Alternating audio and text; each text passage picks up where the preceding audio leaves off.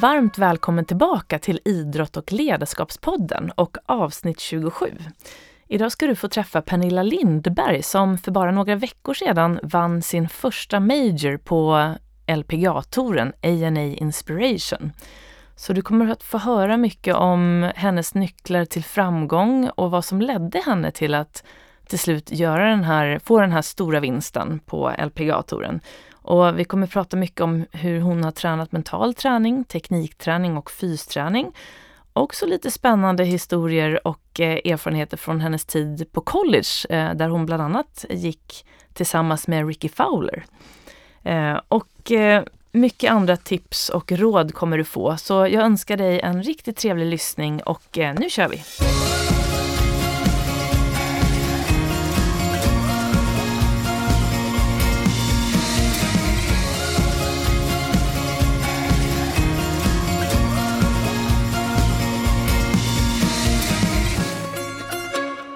Är ni varmt välkomna tillbaka till Idrott och ledarskapspodden och avsnitt 27. Och idag är jag väldigt glad att få presentera min nästa gäst som är Pernilla Lindberg. Och eh, Pernilla vann för bara några veckor sedan sin första tävling på LPGA och eh, det var inte vilken tävling som helst utan årets första major för damer, A&A Inspiration. Och det var verkligen en imponerande seger och vi ska få lyssna mer till hennes tankar om detta om en stund. Eh, Lindberg spelade collegegolf i USA på Oklahoma State University och sedan började hon på Duramed Futures Tour 2009. Och sen kvalade hon samma år in till både LPGA och eh, Europatouren inför säsongen 2010 och sen dess har hon spelat där. Eh, som ungdom var Pernilla också en alpin skidåkare och hon eh, kombinerade och samtidigt spelade golf då med sin alpina karriär. det ska bli spännande att få höra om hennes väg till den här segern på LPGA-touren och även tankar om prestation, välmående, balans mellan träning och vila och mycket mer. Varmt välkommen hit Pernilla! Tack så jättemycket! Eh, tack för att du bjöd in mig för att jag får vara med. Ja, Så kul! Är det något som du vill tillägga här i min presentation av dig? Eh, nej, jag tycker du hade sammanfattat eh, mitt eh, mitt liv hittills eh, ganska bra där. Så det, vi kommer förmodligen komma in på massa mer eh, roliga saker. Men nej, det var en bra början. Mm, härligt. Och eh, lite grann om nuläget bara till att börja med. Så vad gör du just nu och hur kan en dag se ut i ditt liv? Eh, just nu så sitter jag eh, det, där jag kallar hemma, eh, vilket är i Orlando, Florida. Jag har en ledig vecka i mitt spelschema just nu. Det, det är faktiskt en LPGA-tävling den här veckan men jag har valt att hoppa över den för att ha en träningsvecka hemma. Ehm, så just nu sitter jag här på soffan. Eh, klockan är ja, åtta på morgonen i, i Florida och eh, jag har eh, redan varit på gymmet den här morgonen och sen så blir det golfträning resten av dagen och det är väl när jag är mm. hemma så här en eh, träningsvecka så blir det, jag menar, det är otroligt skönt att få vakna upp i min egna säng för det händer inte speciellt ofta och inte alltid behöva stressa ut ur sängen och mm. liksom, sätta på mig solkräm och direkt ut till golfbanan eh, varje morgon, vilket jag gör eh, när jag är ute på resande fot. Så det, nej, det är absolut en en kombination av att få in bra träning när jag är hemma eh, och fysträning eh, men också vila upp eh, batterierna och känna mig lite som en normal människa och inte alltid en golfare varje sekund. Så det är väl så livet ser ut på en, en sån här vecka. Mm, gud vad härligt. Och hur mycket träning blir det när du har liksom en träningsdag? Eh, hur mycket blir det ungefär? Eller hur kan en vecka se ut just den ja, här perioden?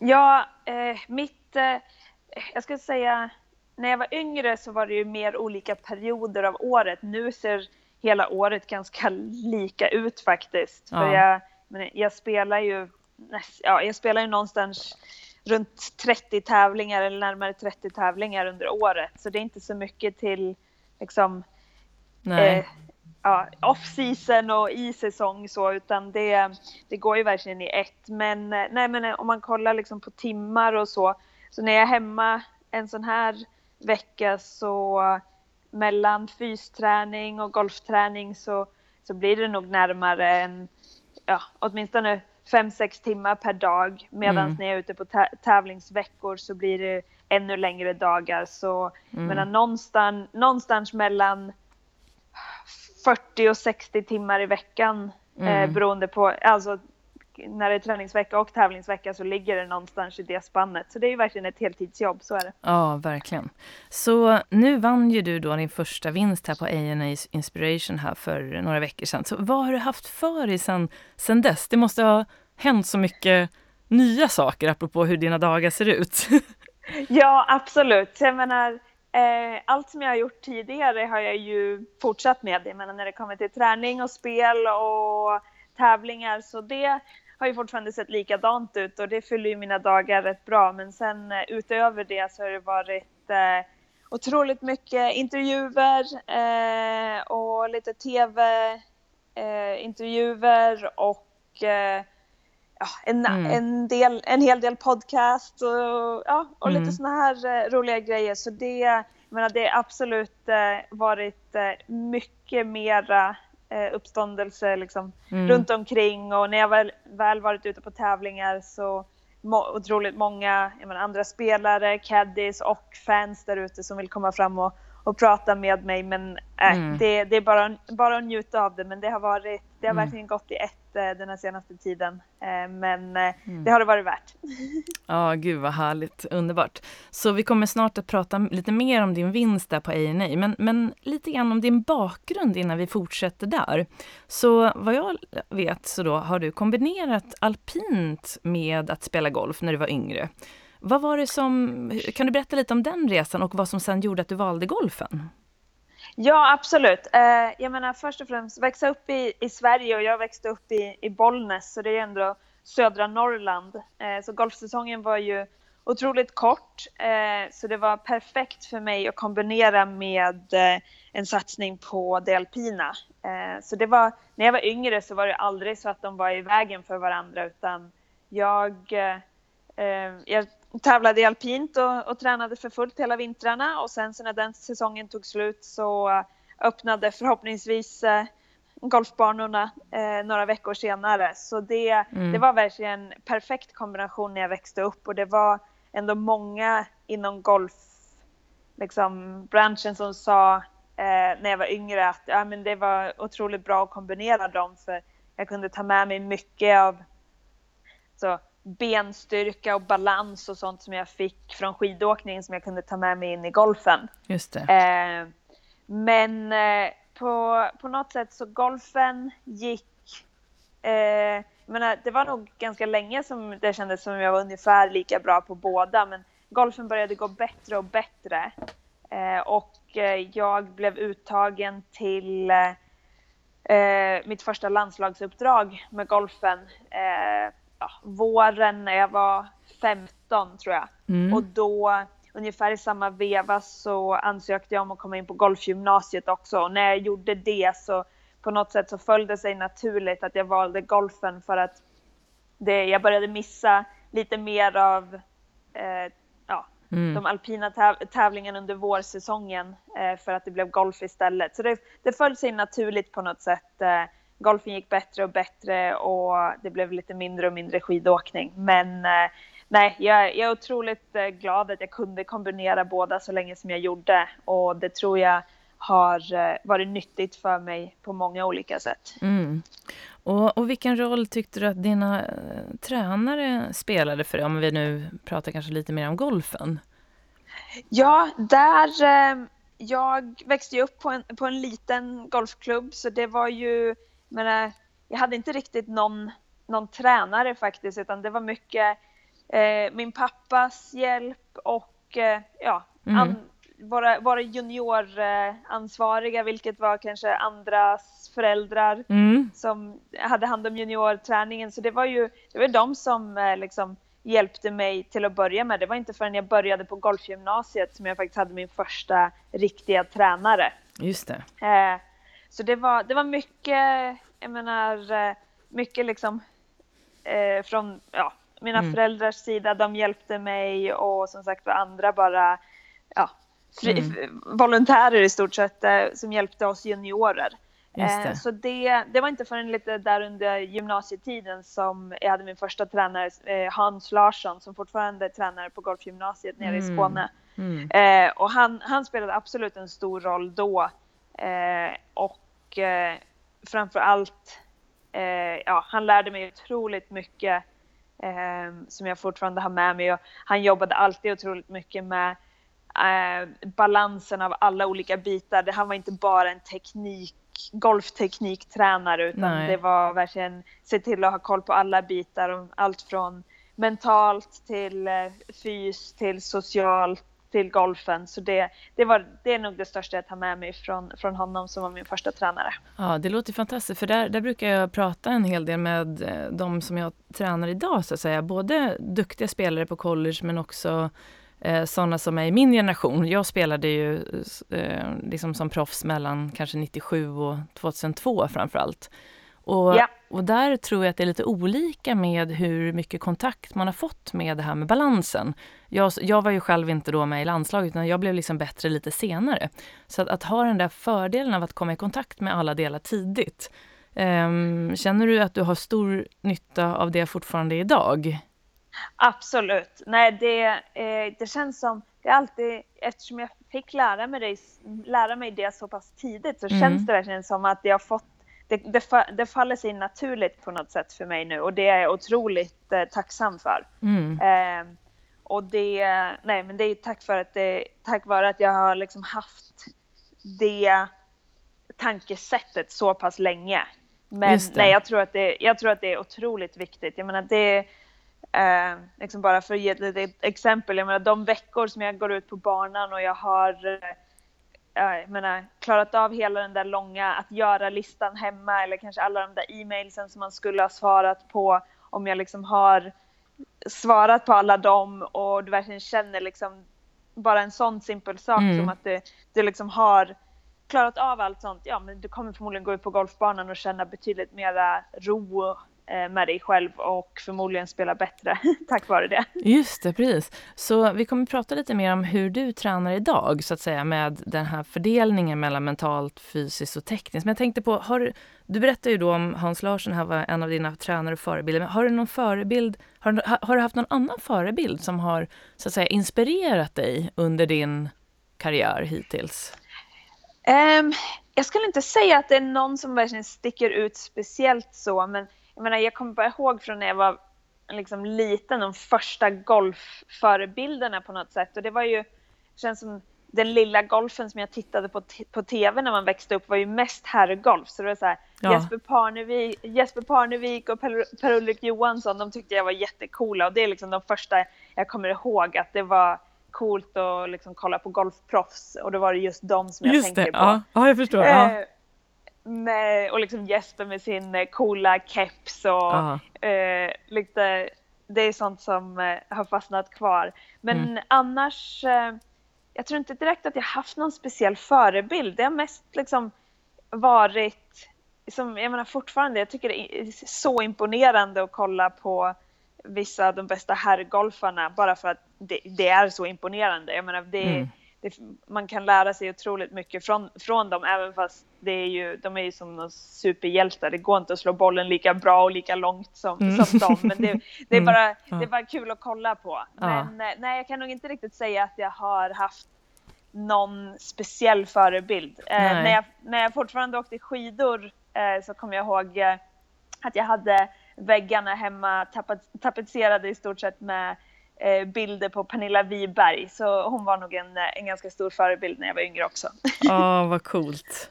Jag såg en bild på Instagram och nu bara tappar jag namnet, men du gick ju på samma college som Oh.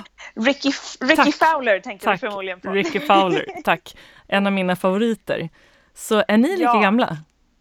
Eh, han är ett par år yngre än mig, men eh, vi var på Oklahoma State eh, tillsammans i två år och han ja. stannade bara i två år så vi blev proffs eh, samtidigt. Och ja. han, var, han var en av de eh, närmsta, eh, eller de som jag kom närmst med på, i herrarnas lag när jag var där, absolut. Så vi, vi umgicks mycket under de två åren. Mm. Eh, och eh, nej, han är, eh, alla som ser honom på TV brukar fråga mig, är, är Ricky verkligen så där trevlig eh, mm.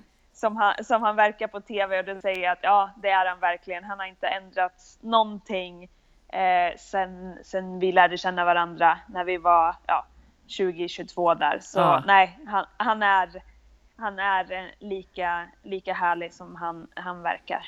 Ja men gud vad coolt. Och kunde du se, förstod ni redan då? Jag tänker på nu är ni båda eh, så här, du har vunnit en major, mm. han är liksom en av de bästa spelarna i världen och du börjar närma dig det. så kände, kunde ni, när ni ser tillbaka på det, var det någonting som ni pratade om redan då? Om era drömmar om framtiden och så? Um, jag tror inte direkt att det var något som vi pratade om så, men jag menar, eh, jag tror att alla vi som var liksom umgicks där ungefär då på Oklahoma State. Vi var många duktiga golfare. Men det var inget som vi riktigt pratade om, men det var ändå, det, det bara, man bara visste att vi alla var väldigt drivna och liksom, vi alla hade höga målsättningar. Mm. Och att, att Ricky skulle bli bra, det, alltså det är alltid svårt att förutspå, men det, det, var, det hade jag absolut gissat, mm. för det, han var imponerande att spela med redan då framför allt hur orädd och aggressivt han spelade golf då på college. Mm. Eh, det var, eh, och han har lyckats behålla lite av den, den ja, mm. liksom speltypen nu mm. fortfarande. Nu, han mm. kanske är lite smartare nu än vad han var då. Det var kanske lite för aggressivt mm. ibland. Men, precis, det brukar bli så. Eh, det, ja, men precis. Mm. Eh, men det kan man alltid lära sig och eh, hantera. Men nej, det var ingen tvekan om att eh, jag trodde att han skulle bli eh, riktigt bra. Mm, vad coolt. Härligt med sådana eh, härliga människor, apropå det här med inspiration och liksom driva sig, drivas av varandra. Eh, och bli inspirerade ja, av varandra. Det är ju otroligt viktigt ehm, vilka man har runt omkring sig, eller hur? Absolut, och mm. det, det var en av de stora anledningarna till att jag valde Oklahoma State. De har ett ja, otrolig tradition när det kommer till deras golfprogram, framför allt på herrsidan, men de har haft många eh, duktiga spelare på damsidan också. Men att bara vara i den miljön i fyra år mm. där det liksom mm. alla verkligen drivs framåt och alla är där för att eh, bli bättre på golf. Det var ju mm. en väldigt inspirerande miljö att vara i. Mm. Gud vad coolt. Så, så det var ju min nästa fråga här. Hur du, jag tänkte när du skulle välja college, för jag vet ju då när jag valde college så var det ju mer att eh, det var inte så många som åkte över på den tiden. Det var ju 93, 93 åkte jag över. Eh, yeah. Och eh, när du skulle välja college, hur, hur gick det till? Vad var det som gjorde att du liksom, ja, valde college från början och, och sen hur du valde så att säga? Ja, det var nu under mina år när jag gick på golfgymnasiet så, mm. så liksom tänkte, så mina, mitt tankesätt gick ändå att okej, okay, mitt, mitt mål är att spela på LPGA-touren en dag. Mm. Och att då åka över och spela college golf i USA kändes ju som ett liksom, väldigt naturligt val i det steget. Att, mm. liksom, det blev ju första steget att flytta till USA. Så, så det var något som jag det är bara så fort jag visste att det valet fanns, eh, att man kunde åka till eh, college och spela golf. Det, ja, sen dess var det ingen tvekan om att det var det jag ville göra. Um, så det, det föll sig liksom väldigt mm. naturligt. Och sen så ja, började kolla på, eh, eller började framförallt fråga kanske lite äldre svenskor som ändå var på college då eller hade varit eh, vilka skolor som kunde vara bra. För när man, när man sitter hemma i Sverige och liksom, har man ju ingen koll. Nej, precis. Så det, eh, pratade som sagt med mycket spelare, pratade med eh, Pia Nilsson kommer jag ihåg, satt jag mig ner och pratade med för mm. eh, hon hade ju ändå liksom bra koll på, på mycket skolor. Och det, det. var från, från många olika håll så kom Oklahoma State alltid upp i konversationen kändes det som. Många ja. som nämnde Oklahoma State, vilken bra skola det var. Ja. Eh, och sen så det var vissa skolor som tog kontakt med mig tack vare att jag hade spelat bra och sen så hörde jag av mig till eh, ett antal skolor också som jag visste var bra skolor. Så det, det gick åt båda hållen. Men jag, jag åkte över och besökte eh, tre olika skolor eh, i USA. Mm. Eh, och eh, när, när jag fick se träningsområdena på Oklahoma State och golfbanan där så, så visste jag med detsamma att det var där jag, jag ville vara. Mm. Eh, så det, det var ett ganska lätt beslut för mig och det är ett beslut som jag aldrig, aldrig har ångrat och skulle jag gå tillbaka till, dit igen så skulle jag fortfarande välja, välja Oklahoma State. Så jag, Mm. jag är väldigt nöjd, nöjd att det, det blev så. Mm, gud vad kul. Och så var du där i fyra år. Och Stämmer bra, precis. Ja, och sen blev det, så stannade du kvar där och eh, egentligen fortsatte ut på touren direkt. ja var det precis. så efter det var, college? Mm. Ja, precis. Så det var eh, fortfarande mitt, mitt mål hela den här tiden och det, liksom det, det höll sig alltid kvar vid samma. Det var att en dag spela på LPGA-touren och då Ja. kände jag att okej, nu har jag spenderat fyra år i USA. Om jag flyttar tillbaka till Sverige så känns det som att jag kommer ta ett halvt steg bakåt för att sen behöva ta ett väldigt stort steg tillbaka till USA igen för att komma ut på LPGA. Så det kändes som att stannade jag kvar i USA och spelade på undertouren till LPGA som då hette Futures Tour, nu heter den Symmetra Tour, så kändes det som att eh, det var, stannade jag kvar och gjorde det så skulle steget till LPGA kunna vara mycket närmare. Och Mm. det, som tur är så hade jag, jag, jag spelade eh, en, en sommar där på Futures Tour och spelade bra, eh, tillräckligt bra för att ta mig direkt in i slutkvalet till LPGA. Mm. Och eh, tog mig igenom där och sen, sen, så, sen Ja. så har jag varit, här, varit på LPGA-touren nu sedan 2010 så det här är min nionde säsong där ute nu. Ja, det är ju fantastiskt. Och just att du kvalade direkt.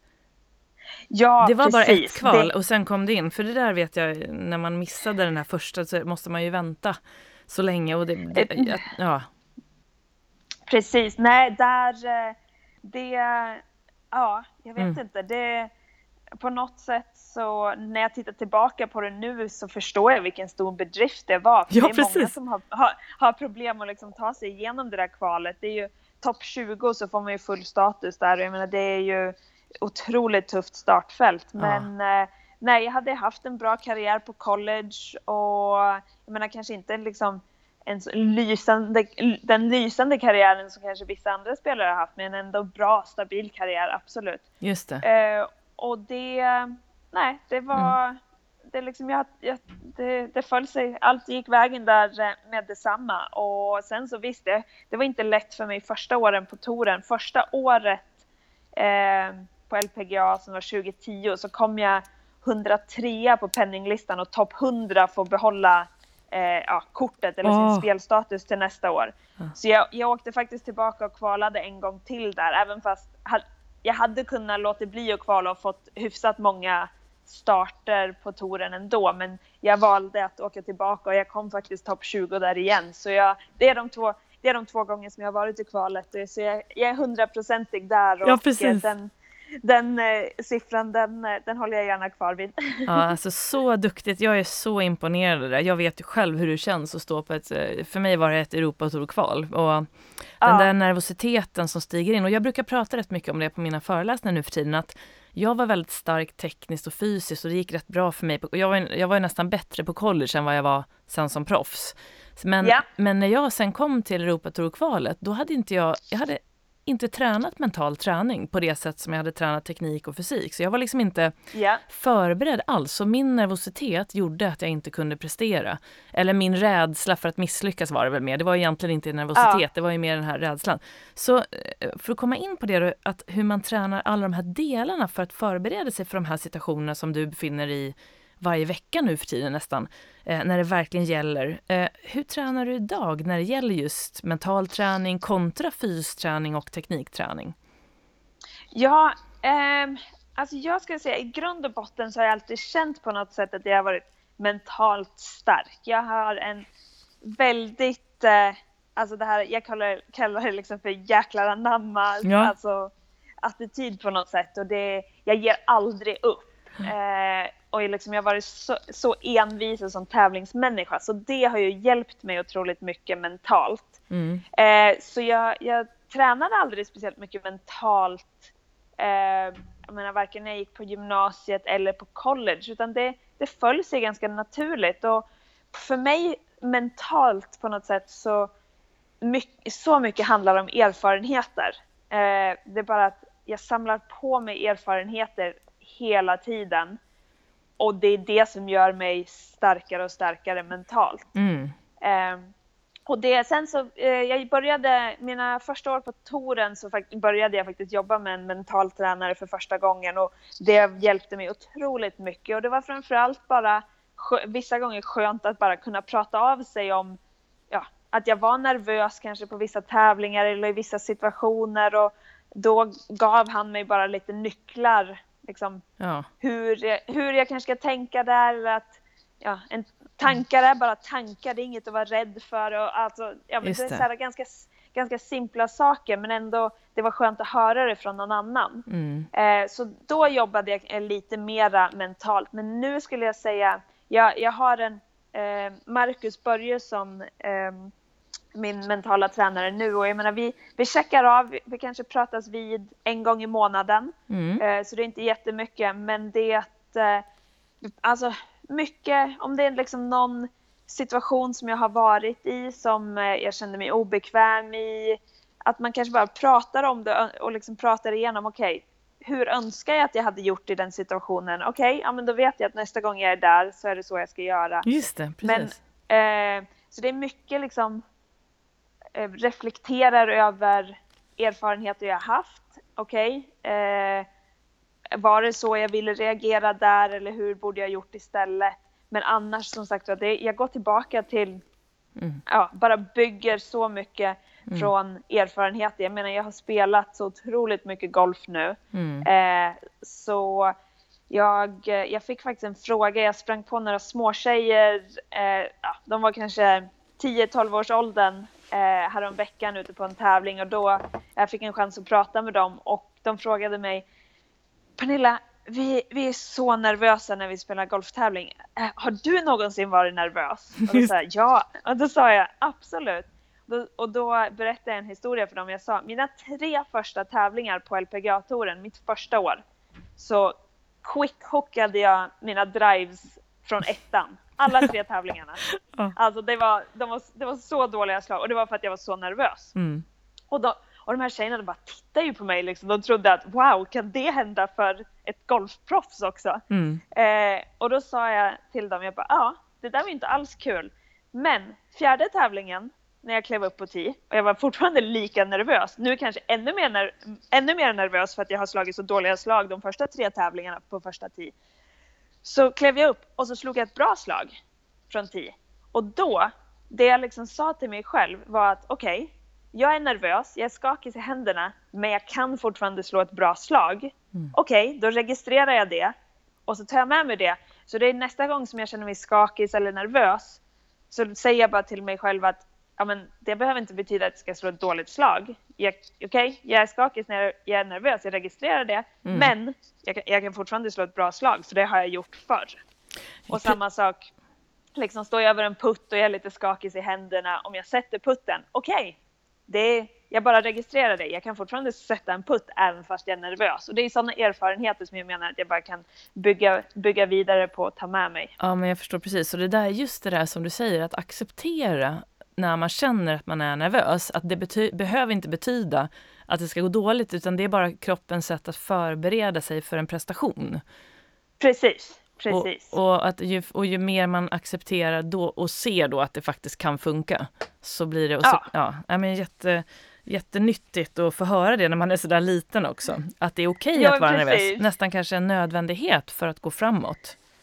Ja men precis. Så, nej, det, var, det var jättekul att kunna få dela med sig eh, liksom det lilla tipset till de tjejerna där och det, de tyckte som sagt var att det var liksom så coolt att jag kunde relatera till deras nervositet också. Så det, är ju, mm. det, ja. fin, det finns ju på alla olika nivåer, så är det ju. Men eh, nej, det framförallt för mig så är det liksom att se varje, ja, varje dag, varje golfrond, att även fast det var en dålig dag och framförallt kanske dåliga dagar, att det är då man kan verkligen lära sig någonting av det. Mm. Eh, och liksom registrera mycket vad som händer, registrera vad man hade för tankar och känslor eller så och sen så liksom ja, mm. kunna mm. bryta, ner, bryta ner det och liksom tänka på okej, okay, hur önskar jag att jag hade gjort i den här situationen istället eller ja, Mm. Så det, det, går alltid att lära sig otroligt mycket. Mm. Och hur, och om man tar de andra bitarna, jag tänker på teknikträning, din sving och eh, ja. ditt spel. Hur mycket tränar du egentligen på din sving nu för tiden? Ja, eh, jag har faktiskt de senaste, jag skulle säga de senaste fem, sex åren så har jag ändå jobbat ganska, ganska hårt för, för att vara mig. För jag, jag har alltid varit mer alltså en spelare som liksom går lite mer på känsla än att varje vinkel ska sitta helt perfekt om man säger så. Mm, eh, så, så för mig, de senaste fem sex åren så har jag ändå jobbat hårt, ganska hårt tekniskt eh, med eh, min nuvarande tränare Patrik Jonsson. Vi började jobba tillsammans 2011. Eh, mm. Och, eh, men det jobb vi har gjort, det, Patrik alltid har pratat om och som jag liksom verkligen tagit åt mig att vi har haft en röd tråd eh, i all vår träning. Vi har ett långsiktigt mål och jag har, vi vet liksom vart jag vill komma med min teknikträning och jag har kanske haft så här, fyra, fem olika drillar som jag gör för mm. att ja, försöka uppnå det jag eh, jobbar på tekniskt. Mm. Men, och då, det spelar ingen roll Eh, om det har varit en träningsdag när jag är hemma i Florida, okej, okay, jag gör samma fyra, fem drillar, men jag kanske gör dem, jag kanske gör 20 slag med varje drill. Eller om det är en tävlingsdag eh, och jag bara går till ranchen 15 minuter efter min tävlingsrunda, så kanske jag gör tre slag med varje drill. Men att jag, oavsett vad, så behåller jag liksom samma röda tråd i all min träning. Och det, det är samma sak i puttning, samma sak med närspel eller teknikträning. Mm. Så att jag, inte bara för att driven har gått dåligt en dag så går jag till ranchen och paniktränar drivar utan mm. oavsett vad jag, vad jag har gjort, oavsett om det känns bra, oavsett om det känns dåligt så har jag haft samma röda tråd och bara jobbat envist på samma saker och jag kanske inte ser utdelning där och då, men jag har alltid sagt till mig själv att fortsätter jag göra samma saker så förr eller senare så kommer det, eh, ja, kommer, mm. ut, kommer utdelningen av det. Ja. Så det, det är så jag liksom har jobbat ganska länge. Men det, det enda som kanske ändrat lite på det i teknikträningen var inför i år så, så sa vi att okej, okay, nu, vi har jobbat hårt med tekniken, det ser bra, mycket ser, mycket, eller mycket ser otroligt mycket bättre ut. Men vissa delar av svingen, okej, okay, den sitter inte där vi kanske önskar att det skulle vara. Men det är tillräckligt bra. Nu går vi ut och verkligen bara använder det vi har. Det. Eh, så det, den, det, det tankesättet har jag gått ut med lite mer i år. Visst, jag försöker fortfarande se till så att svingen håller sig inom vissa ramar. Min tendens är att jag översving, översvingar, att det blir för långt. Okej, okay, vi måste fortfarande ha lite koll på att det inte blir för långt. Så liksom, mm. vi, har lite, vi har lite ramar som vi vill hålla oss inom. Mm. Men är vi inom det, okej, okay, gå ut där och bara lita på att det jag har är tillräckligt bra. Bara gå ut och spela med det vi har. Mm. Så, det, så det är väl kanske lite mindre teknikjobb och teknikträning just nu än vad det, vad det har varit. Men det är tack vare att jag har lagt ner så mycket jobb under många år. Just det, precis. Och nu, nu sitter det så pass att du kan också släppa det när du är ja, ute i precis. spel. För då vet kroppen vad den ska göra så att säga. Precis, Just men även, även fast vi säger det så, jag menar jag har absolut mina tendenser som jag faller tillbaka i hela tiden. Mm. Men då, då har jag ändå menar, ett par drillar eller några mm. förstärkningsdrillar eller så som jag ändå kan gå tillbaka till för att som sagt bara, bara mm. se till så att jag håller mig inom de här ramarna igen. Ja, Ja, gud vad kul. Jag, jag kommer ihåg när jag, eh, jag gick på UCF då, som ligger där du bor nu, i Orlando. Ja, precis! Ja. Inte alls långt, långt ifrån mig. Nej, precis. Central, University of Central Florida, The Knights hette vi då. det heter väl fortfarande. Precis. Men i alla fall, det då, gör ni. ja, då hade jag eh, förmånen att få träna på Lake Nona och jag var lite som dig, jag hade, gick väldigt mycket på känsla och hade egentligen ingen direkt teknikkunskap när jag började på college. Men då eh, när jag kom till, eh, till UCF där då, så fick jag förmånen att vara där på Lake Nona några gånger och träffade då en tränare på Ledbetter Academy. Och han yeah. liksom hjälpte till att jag fick lära mig förstå min sving. Eh, och jag hade då lite vingliga ben när jag svingade och han fick yeah. mig att känna mig väldigt stabil. Och det är så intressant för att även om, så för mig blev det en väldigt stor trygghet att lära mig tekniken om min sving för att sen kunna jobba med känslan eh, när jag spelade. Och, eh, och yeah. även idag så är det samma grejer som jag kan halka tillbaka till om jag inte då, det här att jag får bli lite vinglig. Det, man, det är som att man har någonting liksom med sig, hur mycket man än tränar. Mm. Ja, nej, det, det är absolut. Och det är precis som du säger, att lära sig sin egen sving. Det är det som jag eh, nästan, det har varit det bästa med att ha Patrik som tränare. Han har lärt mig så mycket om min egna sving och mina tendenser. Så jag har ju så bra förståelse nu på vad jag gör och vad som händer. Mm. Och det ger ju, det ger ju mig eh, alltså, som lite mer självförtroende ja. när jag sticker iväg på tävlingar och så. Jag vet, och jag har förståelse för vad som händer. Jag kanske fortfarande inte kan analysera någon annans sving speciellt bra, men eh, jag kan absolut analysera min egen eh, ja. betydligt, betydligt bättre än vad jag brukade göra. Ja, men jätte, jättebra väg det där med att ha en röd tråd och att lära sig sin sving. Det tror jag är ett bra tips faktiskt ja. till alla, alla, även amatörer och även proffs, att lära sig det. Ja, men, Absolut, och det för, det för att bygga vidare på det, liksom för många amatörer som kanske bara men liksom, lyssnar på generella svingtips eller läser om svingtips och sånt i, i tidningar eller på internet. Och det, alltså, det, mycket av dem är ju bra, men mm. det är kanske inte all, alltid att allting passar alla. Nej, eh, precis. Så det, det är nog bra ändå, oavsett vad man är på för nivå, att liksom kanske träffa en tränare och få lite förståelse om vad ens egna tendenser är och sen mm. alltid, utgå, alltid utgå från dem. Just det. Och, och när det gäller då amatörer och eh, så, så skriver ju du ibland lite eh, små artiklar i Svensk Golf. Eh, och jag vet att när jag tittade där senast eh, så skrev du lite grann om just grepptrycket och det tycker jag är så otroligt spännande för jag märker på mina elever att det är någonting som kan förstör väldigt mycket, eh, lite så omedvetet. Men du hade så bra tips där, så när det gällde det, vad skulle du säga då? Kommer du ihåg vad du skrev där? Nej, jag kom, nu tänkte jag säga att det var ett antal månader sedan jag ja, skrev precis, det. Eller hur? Ja. Men jag vet ju mycket hur jag jobbar på grepptryck, men jag kommer inte ihåg exakt vilket tips det, jag, var, jag skrev där, så det, det kan du få påminna mig om. Ja men precis, men det var det här med, du hade den här skalan på 1 till 10 tror jag det var. Och, eh, ja, och hur du tänkte på det själv liksom för att hitta ditt eh, begrepptryck så att säga, så att det inte skulle hämma farten och samtidigt vara tillräckligt stark så att du liksom håller i klubban så att säga.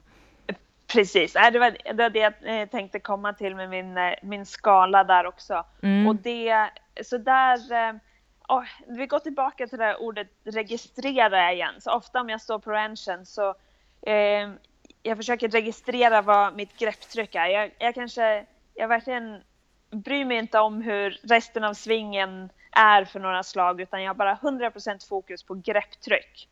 Eh, så jag kanske, jag börjar med att slå några slag och försöker upp, gissa på en skala från 1 till 10 där 10 är du håller i klubban så hårt du kan och om en etta skulle vara att klubban flyger ur dina händer för du håller i den så löst. Mm. Så jag försöker verkligen bara registrera, okej, okay, vart tycker jag att mitt grepptryck är? Mm. Och sen så säger jag kanske till mig själv, okej, okay, men nu håll i en trea.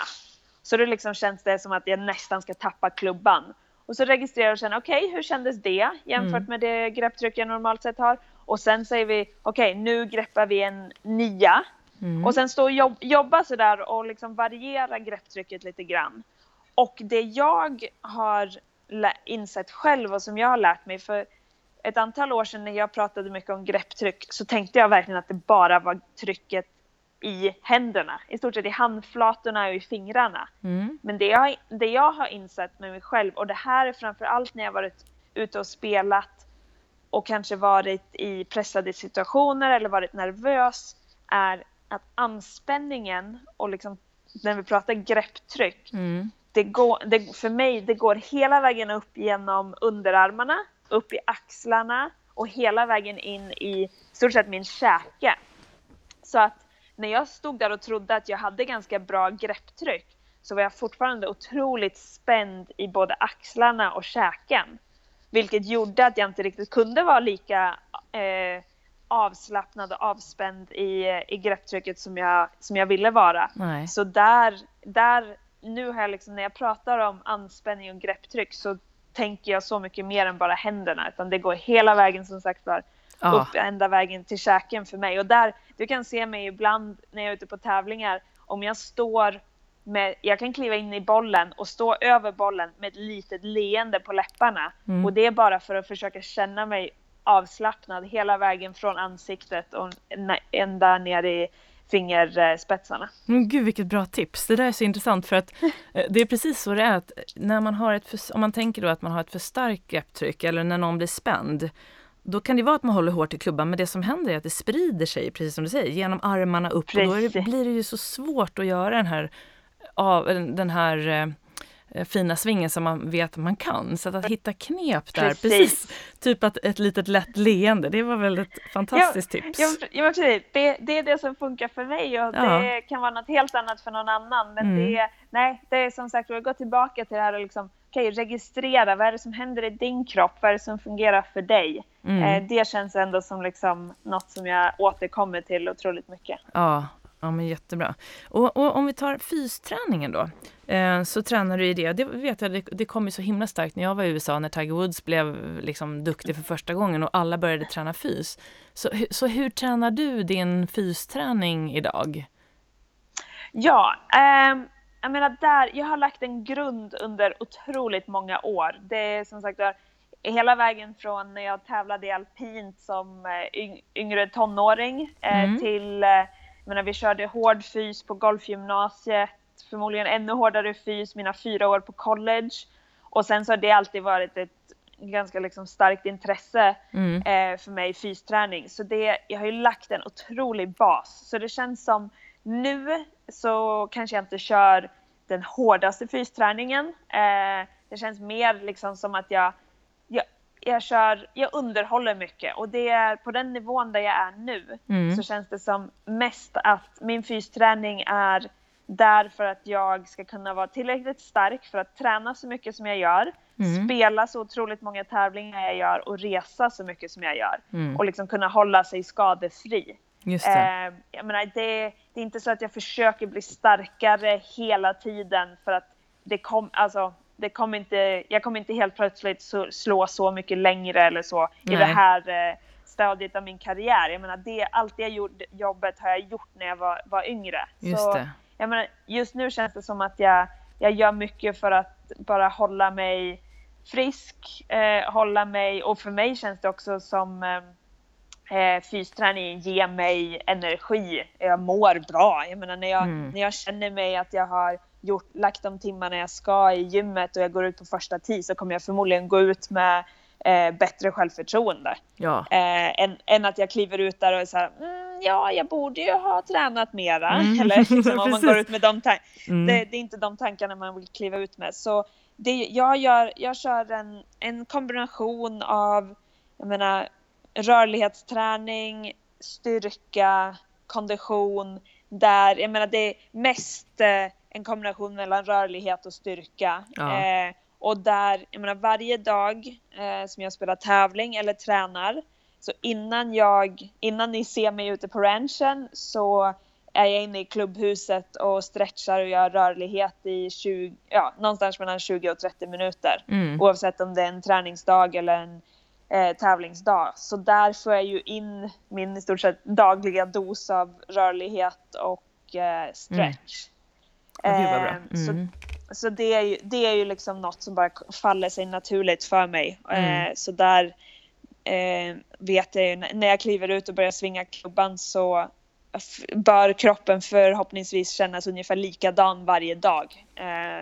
Men det, man vill inte kliva ut där och liksom känna att oh, vad stel jag var eller så, utan det, jag har gjort min uppvärmning som jag behöver innan. Ja, ja men precis. Eh, och sen så, men annars eh, när det kommer till eh, ja, styrkebiten så är, eh, jag menar, är det en tävlingsvecka, om jag får in två eller tre gympass under en tävlingsvecka så är jag nöjd för då vet jag att det är tillräckligt mycket för att underhålla eh, min, min styrka. Medan jag är hemma en ledig vecka så blir det förmodligen fem eller sex eh, dagar som jag är i gymmet. Mm. Eh, så så ser det väl ut liksom stort generellt Just det. sett.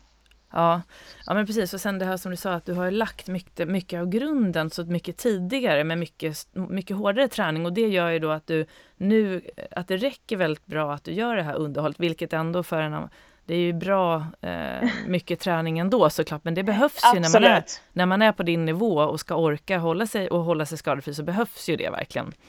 Ja men precis. Mm, eh, det, mm.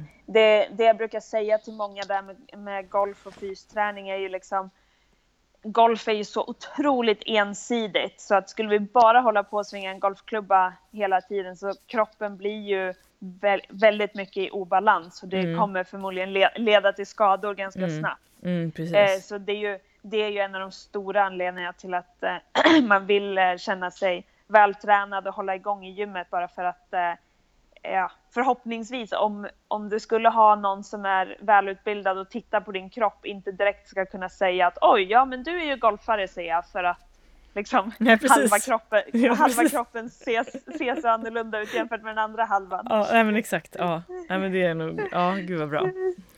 Men du, jag tänkte på, vi kommer eh, in då på hur du har tränat och hur du har förberett dig så och så kommer vi in då när du liksom här nu helt, helt plötsligt det är ju inte helt plötsligt, men att du, du för första gången då vinner verkligen en av de, vilket var då årets första major, det här A&A Inspiration.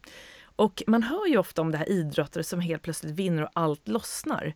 Så vad var det egentligen som gjorde att det lossnade just då, tror du? Eh, ja, alltså så, som, som ni har hört eh, under liksom hela tiden som jag pratar nu så har det ju varit verkligen en, en lång resa där jag har gjort mycket bra saker under en lång tid och hela tiden haft tron på mig själv att gör jag de här sakerna så kommer det förr eller senare att lossna. Mm, ja, just det. Eh, så, så liksom, det är ändå så min hela karriär har känts. Det känns som att jag har tagit de här små kliven i rätt riktning hela tiden och alltid haft, eller nästan alltid haft tron på mig själv att liksom, kan jag, kan jag bara få alla bitar att fungera samtidigt så vet jag att jag har allt i mig för att vinna. Och det är väl det, jag har liksom samlat på mig allt det här. Eh, alla delar av spelet, närspel, eh, hjärnslag, puttning, alla de bitarna har utvecklats så mycket. De har funnits där men kanske inte samtidigt. Mm. Eh, och som sagt var mentalt så har jag bara samlat på mig så mycket erfarenheter under hela min karriär. Jag menar till att börja med så mina första år på touren så kanske jag eh, var, jag var duktig på att skjuta en bra score på torsdagen men sen blev jag för nervös på fredagen för att jag hade alldeles för mycket tankar på att bara klara katten. Eh, och sen så gick jag från eh, det till att kanske spela bra i två dagar men ha en sämre helg istället. Och sen gick jag därifrån så kanske jag började spela bra i tre dagar men jag blev för nervös sista dagen. Och sen, men hela tiden så har jag tagit de här kliven, små kliv i rätt riktning och liksom ja, mm. klättrat mm. åt rätt håll. Och förra året, eh, vårt, eh, vår sista tävling på LPGA-schemat i november så kom jag fyra på vårt Tour Championship, vårt tourmästerskap. Och där, det var kanske första gången som jag kände att jag var med verkligen i toppen på söndag eftermiddag och kände att det, det, det här kanske är min tur. Jag kände mig inte mm. nervös, jag, jag, stod inte i vägen för mig själv. Det gick inte hela vägen den gången, jag kom fyra eh, i slutet. Men det gav mig otroligt mycket självförtroende. Jag visste att okej, okay, jag har alla de här bitarna här nu. Eh, nu har jag samlat på mig så otroligt mycket och tack vare den erfarenheten så tror jag att det kunde lossna den här gången och gå vägen, eh, ja, gå hela vägen. Och, ja, och hur kände du där när du liksom fick avbryta? För ni fortsatte ju spelet på måndagen, visst var det så? Ja, precis. Det vi blev spelade ju, då... våra... Ja. 70, precis, vi spelade våra 72 hål, vi var klara på söndag eftermiddag och sen så blev det särspel mellan tre spelare. Jennifer Song från USA, Inby Park från Korea och, eh, och mig själv. Och där vi hann med fyra särspelshål på söndagen och vi slog ut eh, Jennifer Song så det var bara jag och Inby kvar. Och fjärde särspelshålet vi spelade så var det otroligt mörkt. Ja. Så, men vi var, vi var fortfarande delade. Så vi fick ju gå hem och sova på det här och komma tillbaka på måndagen. Men där, det som var så unikt med den här tävlingen var ju att jag ledde tävlingen från, från första dagen. Jag sköt 65-7 under första dagen och ledde med ett slag. Så jag fick sova på ledningen torsdag och sen Ja. ledde jag fortfarande på fredag och jag ledde fortfarande inför söndagen. Så jag fick ju sova på ledningen tre nätter i rad, vilket inte lätt att göra. Eh, men jag lyckades ju hantera det. Så när, jag, när vi fick avbryta på söndagen, som var din fråga där, då var det ju, okej, då- det jag sa till mig själv var att okej, jag har gjort allt det hårda jobbet under 72 hål för att ta mig till det här särspelet. Och nu är det jag mot Imby Park. Hon har vunnit sju majors, hon är världsetta och hon har ju all press på sig. Det är ingen som förväntar sig att jag ska vinna. Självklart vill jag gå ut och vinna, det är därför jag är där.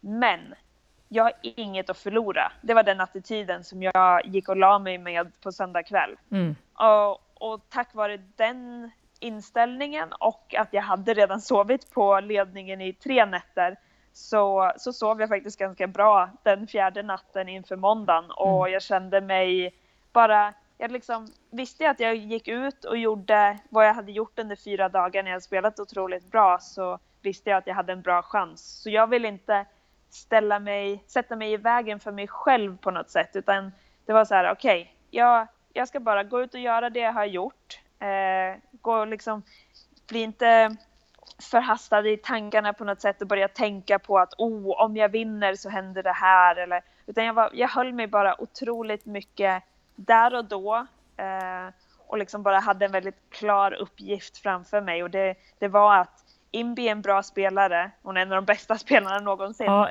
hon, kommer, hon kommer inte ge bort det här till mig utan jag vet att jag kommer behöva kliva upp och göra något otroligt bra. Mm. Och det gjorde att jag hade en väldigt tydlig, ja det var bara en tydlig uppgift. Jag behöver gå ut, slå bra slag, jag behöver förmodligen göra en birdie någonstans Mm. för att vinna.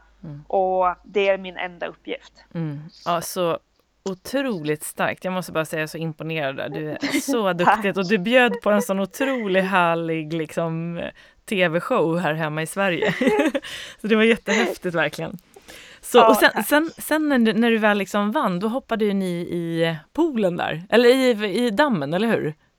Precis. när du hade fått bucklan. Ja. Precis, det är en tradition där, eh, det här var, det var 30 år sedan som eh, Amy Alcott startade den traditionen på den här Aha. tävlingen och hopp, hoppade i eh, dammen vid 18 green. Okej. Eh, ja.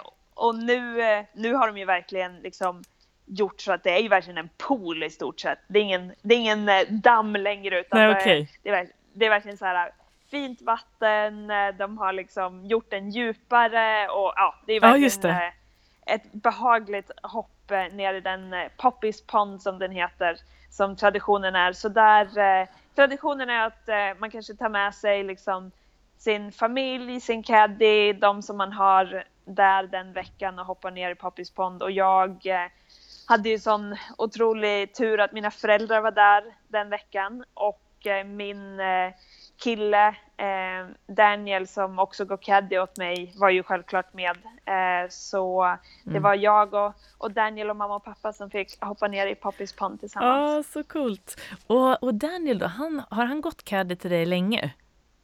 Ja, eh, det har han. Så eh, vi, vi har varit tillsammans som alltså eh, ett par i åtta år nu. Ah. Och under de, under de åtta åren så har han caddat eh, nästan sex, ja, mellan fem och sex år. Mm.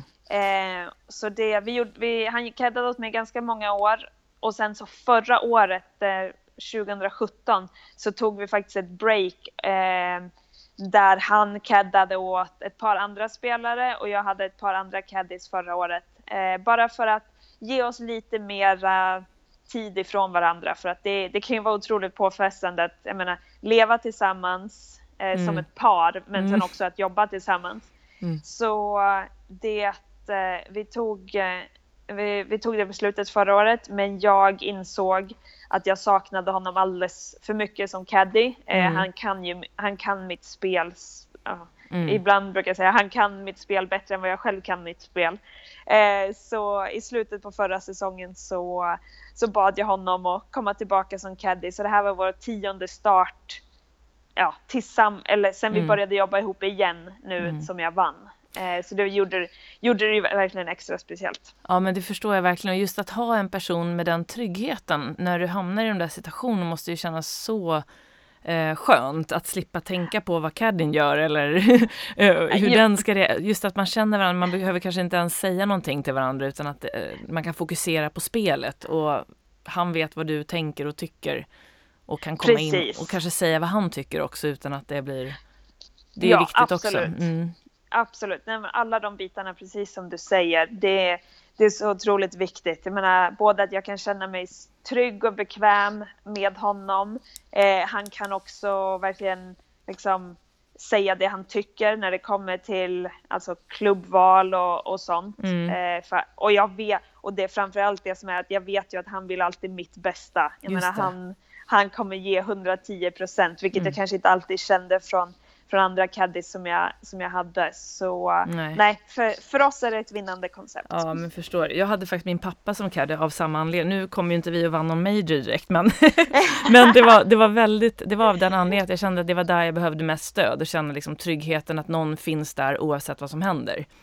Ja, eh, precis. Ja, det känns som en för, ja, men vad, vad spännande. Och det som jag tänkte här nu då, vad tror du är den största anledningen som du ser till när det inte lossnar?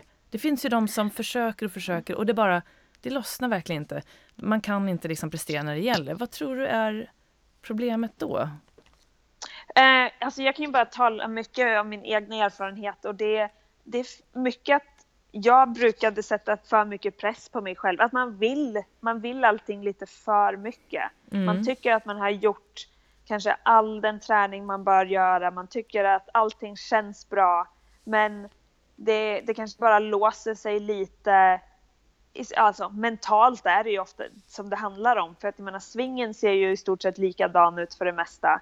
Men det, för mig så var det ofta att kanske det blev lite för mycket anspänning vilket mm. leder till sim, sämre eh, svingar, vilket leder till mer styrda, styrda puttar, vilket leder till eh, kanske jag menar, sämre fokus från tio, men alla de här mm. olika bitarna. Men mm. det är mm. liksom, jag skulle säga att det går alltid till, för mig åtminstone, det går tillbaka till eh, ja, att sätta för mycket press för sig själv, att, på sig själv, att man vill eh, prestera bra lite för mycket och att eh, det, det låser sig helt enkelt. Ja, exakt. Så, och, och apropå det här med mental träning, så målbildsträning och att ha mål och så, det är ju en väldigt stor del av den mentala träningen, att man vet vart man är på väg och så. Hur, hur ofta går du igenom dina jag tänker på att ni prat, du pratar om att ni hade ett långsiktigt mål och så har du säkert kortsiktiga ja, mål. Hur ofta sätter du dig ner och liksom verkligen funderar över dina mål inför, inför framtiden? Um, yes, I början på varje säsong, uh, så alltså stort sett där någonstans december, januari, så brukar jag sitta och tänka på lite nya mål inför varje säsong. Mm. Uh, och då, jag brukade, jag brukade mest ha vad jag kallade liksom mer processmål. Uh, för jag, jag på något sätt så jag, när jag var yngre så hade jag lite resultatmål där det var liksom vinna den här tävlingen eller eh, ja, vad det nu kunde vara. Men på något sätt så jag, jag valde att inte ha de målen under ganska många år för jag kände att jag kan gå ut och spela min absolut bästa golf. Men jag kanske fortfarande inte vinner tävlingen för att någon annan spelade ännu bättre och det var något som jag inte kunde påverka. Så därför mm. tyckte jag inte riktigt om de målen. Eh, så det, ofta så hade jag mål istället som handlade om liksom så här, saker som bara jag kunde påverka. Jag ska gå ut eh, och försöka spela, vad kan det vara liksom, eh, fearless golf i 72 hål. Eller alltså så här, mer, mer sådana kanske så här, mm. mentala grejer eller mm. Eh, eh, ja, liknande saker. Men inf inför i år, på något sätt så, så kändes så resultatmål något som gjorde mig motiverad igen. Mm. Så inför den här säsongen så, så alltså det var väldigt så här, generella målen då, men det var jag ska vinna min första tävling. Det, det var verkligen det som jag satte upp som ett mål och att det skulle och det gjorde framför allt att det drev mig. De, de morgnar när väckarklockan ringde tidigt och jag inte riktigt kände för att ja. gå ut och träna eller gå till gymmet eller man stod ute och tränade och det var kallt och regnigt eller något sånt.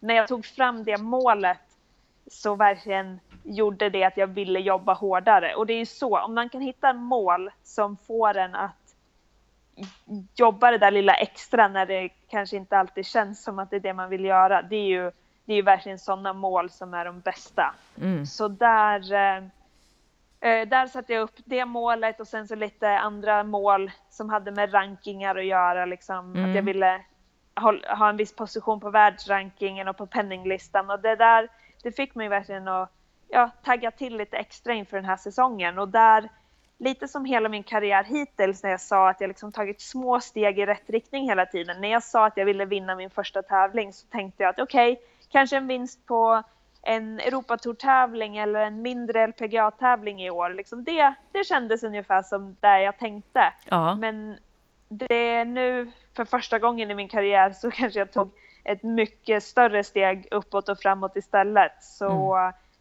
det, jag tog första vinsten och det blev en major istället. Ja men det är det som är så coolt att, eh, att kunna våga vara järv.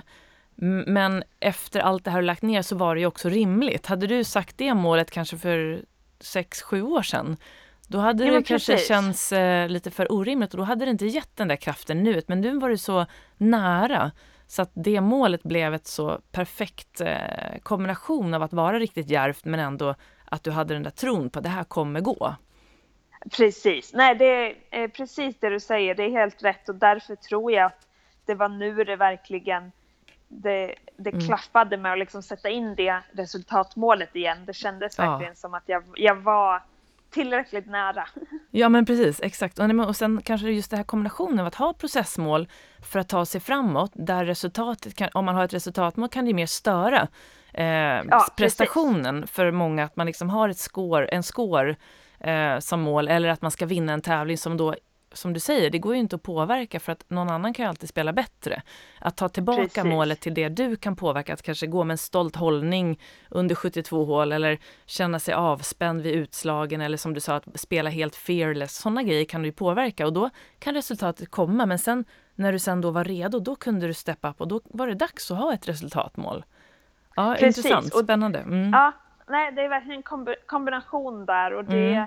det är ju liksom igen att kunna, kunna i stort sett reflektera över var man själv är i, i sin karriär eller vart, vart man är i sin utveckling liksom. Ja. Eh, och, och alltid liksom kunna ja, en, mm. ändra lite. Eh, och ibland när man säger att nej men det där är inte för mig, det behöver inte betyda att det, nästa år så kanske det, det, är något som är för dig. Liksom. Ja, precis. Och, och, vi kommer in nu lite grann på det här med balansen och lära känna, lära känna sig själv för att förstå vad man mår bra av. Och då undrar jag, hur gör du för att hitta balansen mellan din idrott och livet? Har du liksom hittat de här nycklarna du behöver för att ha, hålla, behålla balansen?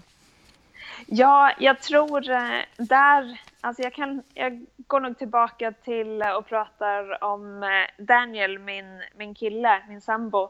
Eh, jag menar där, jag är så otroligt lyckligt lottad att jag kan leva livet som golfproffs och jag är ju otroligt mycket på resande fot men att vi kan resa tillsammans. Mm. Eh, jag menar, skulle jag vara själv där ute på eh, liksom ute på touren och inte ha honom med mig så skulle det ju bli betydligt mera ensamt där ute. Det skulle bli förmodligen liksom mycket mer att jag bara blir fast i min golf. Men nu när vi har varandra så har jag ju mitt vanliga liv där ute också. Just det. Men visst, jag, jag är ju golfproffs. Det, golf är ju liksom otroligt mycket av det som fyller varje dag.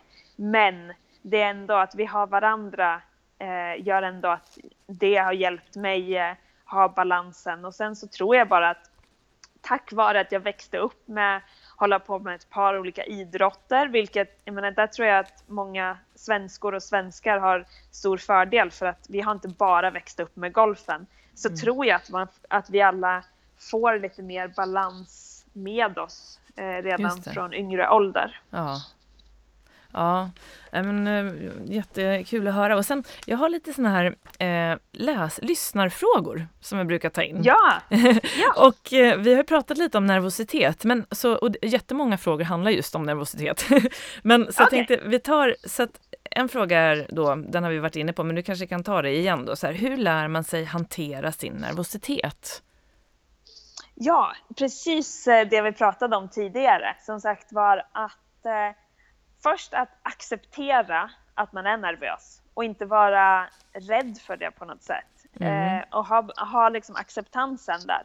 Eh, och sen så att lära sig, och sen så att vara nervös, det, att det inte ska leda till några andra dåliga liksom, vanor. Att även fast du är nervös, du kanske ska behålla ditt bra, din bra anspänning och ditt bra grepptryck. Verkligen ha jättemycket fokus där när du känner att du är nervös. För då kan mm. du fortfarande liksom svinga så som du vill eller putta så som du vill. Eh, så som sagt registrera att man är nervös men sen fortfarande försöka bara göra sina bästa eh, ja, ja. Behavior, behaviors är ordet som kommer till ja, mig. Precis. Eh, ja, just det. Eh, ja, Sina, att man eh, inte låter det spridas liksom till att ändra andra grejer. Precis, mm. Eh, utan bara vara cool med att man är nervös. Du kanske är lite skakig i händerna men som jag sa tidigare också liksom att gå tillbaka till att okej, okay, jag, har, jag har satt puttar förut när jag varit skakig i händerna eller jag har slagit bra slag förut när jag varit skakig i händerna och verkligen när man gör det, verkligen registrera de slagen och så man kan komma ihåg de situationerna som man har varit i där. Mm. Eh, det, det är så som jag har jobbat med mm. nervositeten. Mm. Ja, men jättebra. Och sen den andra då, eh, då är det den här frågan då. Vilka är dina bästa tips för att kunna gå i och ur fokus på ett bra sätt när man spelar? Eh, förhoppningsvis så har du kanske trevliga spelkamrater som eh, du är där ute med eller att du har en caddy som eh, du trivs bra med.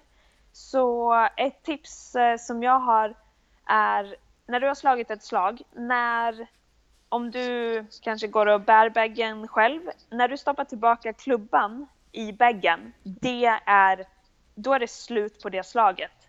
Du får inte gå och tänka mera på det slaget eller tänka att oh, om jag hade gjort så istället mm. eller om jag bara hade gjort så istället.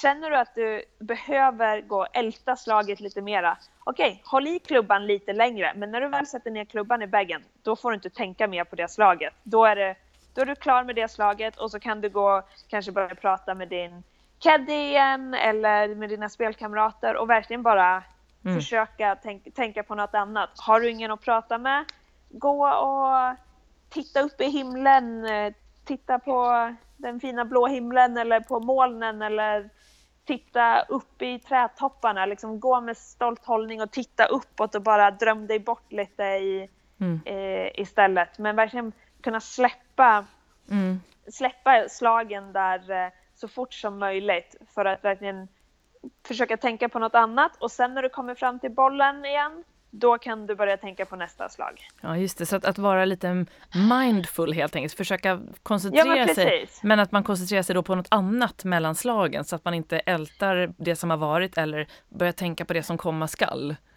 Precis, och verkligen bara hålla sig i, i nuet. Börja det kanske är ett hål om två, tre hål där det är ett utslag som du inte tycker om eller du, det är ett hål som du har en tendens att spela dåligt på. Gå inte och börja tänka på det redan nu. Visst, om en sån tanke kommer, okej, okay, var okej okay med att den kommer, men bara liksom skjut bort den och bara kom tillbaka till där du är just nu. Mm. Bara för att verkligen hålla dig i nuet. Eh, gå inte tillbaka och tänk på det som har varit och gå inte förhastat framåt i, i tankar om det som kommer heller, utan verkligen bara försöka hålla sig i, i nuet. Mm. Var det någon gång under ANA Inspiration som du kände att du liksom tappade fokus lite grann? Att du började tänka på resultatet eller, eller kunde du vara sådär i Nej, nuet det, hela tiden? Ja, jag, det var det är nog en stor anledning till att jag spelade så bra för jag, den veckan. Jag, jag var otroligt duktig på att verkligen hålla mig i nuet och hålla mig närvarande. Det enda som var, var sista varvet på söndag när jag gick ut, så gick jag ut i treslagsledning och det var när jag slog ut då på ettan så var det första gången på hela veckan som jag verkligen kände mig nervös. Nervös till en, den nivån när att jag, jag slog sämre slag för att jag var nervös. Och då då, på, efter tre hål då, så var jag så här, nej, det här kan jag påverka. Jag tänker inte sätta mig i vägen för mig själv här nu. Hur Mm. många gånger kommer jag få en sån här chans att gå ut och vinna en major? Mm. Nu, nu, jag bara, om jag bara fortsätter att göra det jag har gjort, som har varit ett vinnande koncept de första tre dagarna, så, kan, så har jag verkligen en chans att eh, eh, här idag igen. Men om jag fortsätter att gå ut så här och vara nervös och slå spä- eller liksom Mm. svinga spän, spänt eller så, då det kommer inte gå i vägen. Så när jag hade det lilla snacket med mig själv där så, och liksom jag klickade verkligen tillbaka i ja, du vet de här klichéerna, ett slag i taget och verkligen Mm. bara hålla mig där i nuet. Mm. Det, då, då liksom satte jag mig tillbaka i förarsätet igen kändes det som och jag lät inte situationen ta över. Så det, det var liksom den enda situationen i sig eh, där jag hade en liten inre dialog med mig själv så. Men annars så hela veckan jag var otroligt fokuserad på att bara sköta mig själv. Jag brydde mig inte om vad de jag spelade med, vad de sköt för scorer eller eh, jag kollade inte på några leaderboards. Jag hade bara en uppgift och det var liksom min egna, egna golf och det var jag otroligt noggrann med hela veckan och höll mig till. Ja, ja, otroligt starkt. Och sen att känna igen det där när du märkte då att nervositeten kanske påverkade slag, att liksom verkligen upptäcka det i tid. Och sen, Ja, kunna, och sen att kunna ändra eller skifta tillbaka fokus, det är ju en enorm styrka som kräver just erfarenhet och träning. Ja, precis. Det är det jag tänkte säga. Att jag hade inte kunnat gjort det om det inte vore för alla erfarenheter jag samlat på mig under många år. Nej, nej, igen, jättegrattis till det där verkligen. Men du, vad, vad händer för dig framöver nu? Ja, nu, eh, nu kommer eh, det bli en intensiv sommar med massa tävlingar. Det börjar nästa vecka med eh, US Open, vilket är en av de största tävlingarna på, på hela säsongen. Det är vår andra major. Så det, det är det jag är hemma och tränar och laddar upp för just nu. Och sen så kommer jag spela fem veckor i rad med start i US Open här nu. Och sen så blir det en liten eh, nästa etapp på sommaren blir eh, i Europa med eh, Scottish Open och British Open och sen så Sen fortsätter säsongen ganska intensivt hela vägen fram till mitten på november. Eh, Mm. Så det, det är ganska full, fullspäckat schema fram tills dess. Ja, gud alltså det ska bli spännande. Och det här avsnittet kommer komma, de som lyssnar nu kommer lyssna på det här förmodligen ungefär när du spelar US Open tror jag. Det, blir, det släpps Ja, på fredagar. Ja, så det blir ju jätte, då ska vi alla hålla tummarna jättemycket.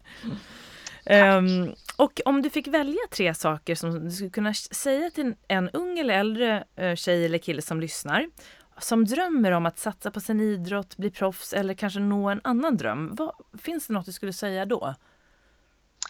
Oh, eh, att eh, men, d- våga drömma. Eh, liksom se, verkligen dröm. Vad, vad, vad, är ditt, vad är din dröm? Och sen så dela upp det i små mål på vägen.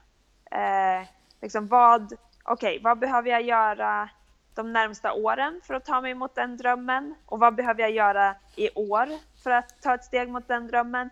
Och sen bryta ner det i vad behöver jag göra i, i liksom varje vecka eller varje dag eh, för att eh, ta små steg i den rätta riktningen för att verkligen jobba efter den här en lång röd tråd framåt. Mm. Eh, det, det är väl en, en sak. Så det är liksom jobba mycket med drömmar och mål. Eh, men sen samtidigt eh, ha, ha roligt med det så, så, så länge du bara kan. Eh, det är liksom, det är ingen, ingen som kommer nå eh, sina drömmar om man verkligen inte tycker om det man gör på vägen, Nej, just det. skulle jag säga. Ja. Ja, Ehm, mm. Ja, ja, nej, så det, det är nog bara så här, lite generella saker som jag tänker med, Ja. på med detsamma som är, verkligen går, för det spelar ingen roll om det är golf, någon annan idrott eller eh, något helt annat i livet. Mm. Nej, men det är så intressant för att av alla, det var faktiskt så att förra veckan så intervjuade jag Pia Nilsson i den här podden som du nämnde Nej, förut. vad kul! Ja, så hon var med förra veckan och sen har det varit eh, andra aktiva profiler från andra idrotter som till exempel Niklas Kult i tennis och så vidare. Och det, det, det där är faktiskt en gemensam nämnare som jag hör att när man väl har nått målet så är det oftast resan på vägen dit som man kommer komma ihåg och att man har oftast haft väldigt kul på vägen. Sen har det ju varit ofta då att det går upp och ner, men att i slutändan att man tycker om det man gör, det, det är verkligen en gemensam nämnare för alla er som jag har med här. Ja, Mm. absolut. För det är som sagt, ska man lägga ner så mycket tid på någonting så det kommer vara svårt att lägga ner den tiden och bli framgångsrik om man inte verkligen tyck, tycker om det man gör också. Ja. Ja, det har varit fantastiskt att få prata med dig Pernilla hela vägen från eh, Florida, från mina gamla hoods. Ja! och, och jag undrar, vart kan man läsa mer om dig eller om man vill följa dig? Eh, jag är mest aktiv på Instagram eh, och där är mitt eh, namn Pernilla Golf. Så där är det lättast att följa mig skulle jag säga. Mm, gud vad spännande. Kommer du lägga upp någonting där? Gör du det även under dina tävlingar? Så att man kan följa Ja. lite det, hur det går eller så under, om man tänker Ja. US Open här. Ja, absolut. Det, jag menar, det är inte så att jag eh, garanterat lägger upp någonting varje dag, men tillräckligt ofta, absolut. Ja, åh, spännande. Men du, eh, varmt tack för att du var med idag och delade med dig av alla de här erfarenheterna, kunskapen, inspirationen och dina tips och råd till alla som lyssnar och till mig.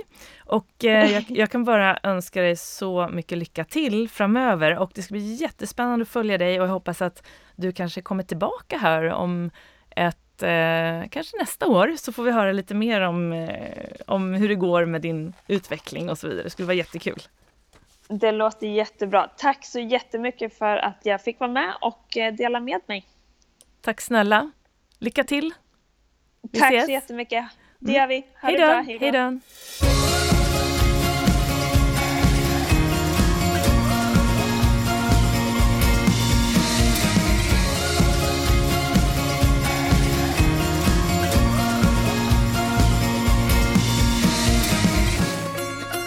Då har du fått lyssna till mitt samtal med Pernilla Lindberg och jag hoppas att du har fått med dig mycket kunskap och inspiration och eh, eh även många av de här tipsen och råden och att du direkt kan ta med dig det här ut på antingen golfbanan eller in i din vardag.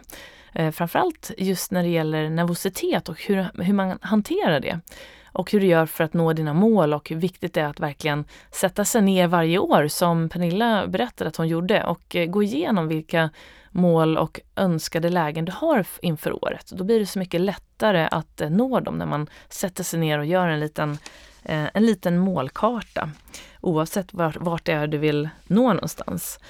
Så en hel del härliga tips och råd fick vi och jag hoppas att du fortsätter följa Pernilla nu på hennes Instagramkonto som då var snabela Pernilla Golf. Och så håller vi tummarna när hon spelar sin nästa tävling då som är, eller sin nästa stora tävling som blir US Open här om, om ett tag. Så tack för att du lyssnade och eh, så hoppas jag att vi hörs och ses snart igen. Ha det bra, hejdå!